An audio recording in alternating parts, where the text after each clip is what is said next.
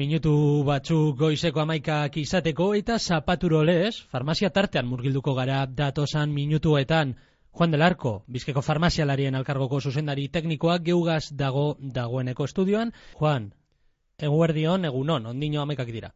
Egun on, bai, zapatu, beste zapatu bat hemen ba, entzulekaz e, hitz egiten eta medikamentuei eta osasunari buruz ba, berriak emoten, ezta? Ezik eta apur bat egiten. Hori da, ibuprofenoa nodotia albiste izan dira, esan aldogu farmazia saratago doazan kontuak dirala medio esaterako ibuprofenoa frantzian polemikea egonda, ezta? Iragarkiak debekatu gure dabez, laureun miligramoko edo miligramotik gora dago zan ibuprofenoenak.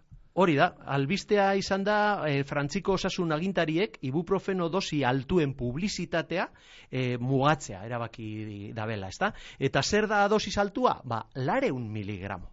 E, orain dala hilebete batzuk, e, analgesikoi eta antiinflamatorioi buruz berba egin genduan e, programa honetan, ezta? Eta jakin arazi gendutzen ideian nagusiak, ba, pilpilean dagoz e, orain, ezta? E, azken egunotan asko hitz egiten ari da, ibuprofenoagaz, e, komunikabidetan, eta esaten ari dana, ba, hemen bizkai erratian, esan genduan, orain dela iru, e, iru barkatu, lau hilebete, mm ezta? E, gure helburua da espazio hau ba, entzuten dabenak ondo informatuta egotea, e, osasunari eta sendagaiei buruz, eta kasu honetan, ba, lortu, lortu dugu. Osea, lortu dugu, ezta? E, baina, bueno, gaurkotasunak agintzen dau, eta komeni da gauza batzuk gogoratzea, ezta? Eta aste honetan ere, mezu argi bat emongo tzagu entzulei, ezta? E, zera, ibuprofenoa eta beste e, analgesiko guztiek erabili behar dira ahalik eta dosi txikienetan. Zeren eta e, zapaia edekie, ezta? Osea, e, dosia bikoiztu egiten badogu... Onurak ez dira bikoiztuko. Horixe, baina eragin kaltegarriak ez bakarrik bikoiztu baizaik eta asko ere gehiago handitu daitekez. Ordun, hartu dosi txikiak. Frantzian esan da bena, berreun miligramukoa. Hemen esan gendun, ez da? Berreun miligramu nahikoa dala ia mundu guztiarentzat, pertsona handie baldin bagara, bastakita altuak, lodiak edo, ba bueno, ba, lareun miligramo kasu horietan. Edo zein kasutan, e, dosi e, eguneko gehieneko dosia mila sortzireun miligramokoa da. Hmm. Eta hori, errezeta medikoa gaz. Errezeterik gabe, erabiltzen ari bagara, ba, askoz dosi txikiagoa komendatuko doguz.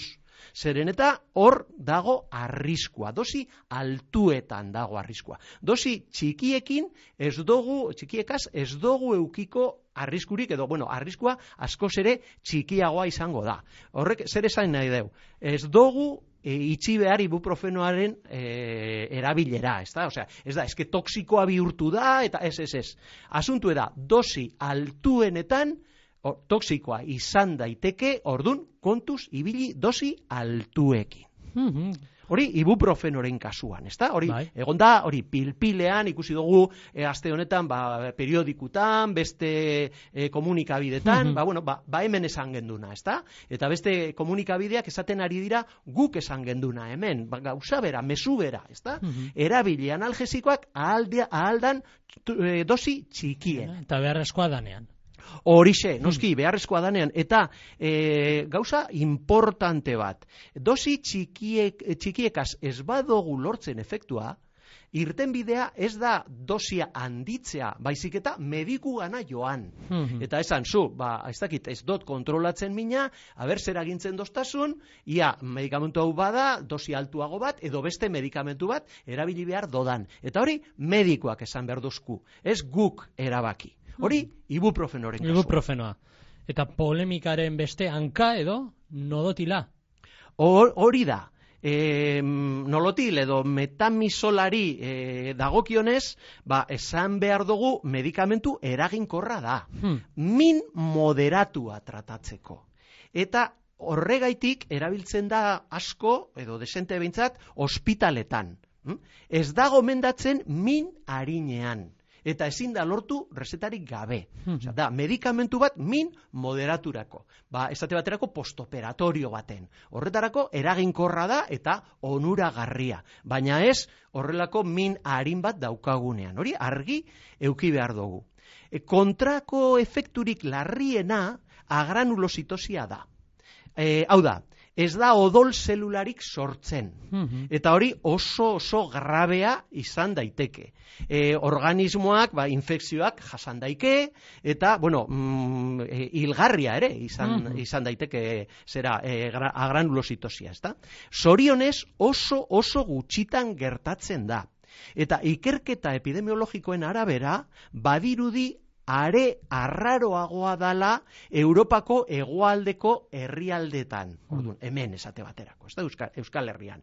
E, ez da erabiltzen Europako iparraldeko herrialdetan horregaitik, ez da? Eta e, gauza importanteena kasu honetan, nol- nolotilaren edo metamisolaren kasuan, e, gauzarik importanteena da tratamendu laburretarako bakarrik gomendatzen da. Hmm. Eta zer da tratamendu laburra? Astebete bat. Astebete bat gehienez. E, bueno, kasu batzuetan, ez da, maiz ez da erabili behar, baina kasu batzuetan tratamendu luzeagoak e- e- egin behar dira, ez da? Medikoak aginduta, noski, eh? beti medikoak aginduta. Baina, tratamendu luzeagoak egin behar badira, aldian behin odol analiziak egin behar dira. Oso importantea da odol analiziak egitea. Odol formularen alterazioak detektatzeko. Ia agranulositosi hori ia hasi bada, ezta? Ba, e, zera, e, analistak zer kontrolatuko do. Zen- Zenbat globulo txuri daukaguz Mhm. gure odolean. Mhm. Ze agranulositosia da globulo txuririk ez eukitzea, ezta? Eta detektatzen bada agranulositosi hori e, mm, lehenengo pausuetan, osea, e, globulo e, txuriak e, apurka apurka beraka doazenien, ba ordun kentzen dugu nolotila, kentzen dugu metamisola eta reversiblea da. Eta ez da ezer gertatzen. Baina, karo, ez bagara konturatzen globulo txuriek bera eta bera doazela, ba ordun oso kaltegarria izan daiteke agranulositosia. Horregaitik Hmm. importante da e, edo tratamendu txiki e, laburrak egin eta edo ezin bada txi, e, laburrak izan, ba gutxienez hori kontrol adal, e, odol analiziak egin. Ez ahaztu odol analiziak egitea. A ber, sorionez, nolotila edo metamisola batez ere ospitaletan erabiltzen da, ez da, ospitale barruan. Ba, ospitale barruan arriskua oso oso txikia da, ze hor oso kontrolatuta gagoz, ospitale baten ga, e, gagozenean, ez da? Ba, hor, badagoz e, erizainak, badagoz medikamentuak, ospitaleko farmazien badagoz farmazilariak, eta mundu guztia dago kontrolatzen zer gertatzen da gure oso esanuerekin, ez da? Eta egiten dozkue odol analiziak, eta hor- horrela, ba, kontrolpean egongo da dana. Mm? Orduan, e, metamisolaren kasuan, ba, mezu bi hoiek, ezta? E, resetarekin beti eta tratamendu laburrak. Hmm. Eta ibuprofenoren kasuan, gogoratzeko, ba, e, dosi zenbeteta txikiago hartu, ordun eta hobeto, beste analgesiko guztiekaz moduen. Mhm. Okeres banago polemike audientzia nazionalera. Heldu da.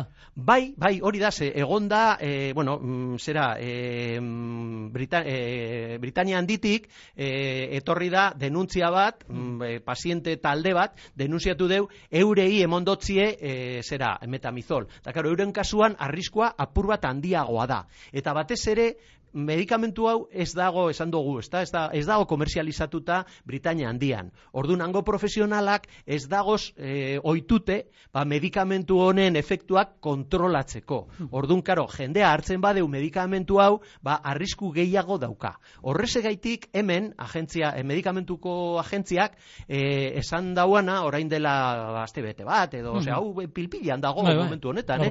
Esan deu, e, zera, e, mediku guztiei, esan dotzie, ba, ez e, agintzeko nolotila edo metamisola kanpostarrei. Mm? Zer, zergaitik, ba, gero mm, bere herrira itzultzen direnean, ba, hor kont, e, kontrolak e, ez dotzie egingo. Orduan, ba, agranulositosia arriskua askoz ere handiagoa da. Mm? Horrek ez du, ez, ez dau esan nahi, e, hemen gitxiago erabiliko danik, eh? Osea, hemen jarraituko da ospitaletan erabiltzen, ze medikamentu eraginkorra da. Baina, bai, beti medikamentu guztie, guztiekaz egin behar dugun moduen, ba, oso kontuz ibili behar dugu doguz, zeren eta medikamentuak azken baten produktu toksikoak Hmm. dira, ezta? Juan del Arco, ez dakit zeo zer gehiago gehitu gurako zeunke, argi dago horreatu ginala, hilabete batzuk bizkaia irratian, ez da? Hori, hori da, ba, alde batetik eh, aholku bat entzun eh, Bizkaia erratia eta erabili eh, analgesikoak eh, ahaldan dosi txikienetan, hori izango zen printzipalena, eta min harin bat daukagunean, obada joatea farmazire eh, eskatzen aholku bat. Ez eskatzen medikamentu konkretu bat, baizik eta aholku bat. Esan ze, ze motatako mina daukagun, noiztik daukagu, eta beste sintomak daukagun ala ez, eta horrela farmazilariak lagunduko dozku guretzat egokia, egokien dan medikamentua. Ederto baten, Juan del Arco, eskerrik asko, betiko lez, eta datorren zapatura arte. Eskerrik asko zuri eta entzule guztiei. Agur.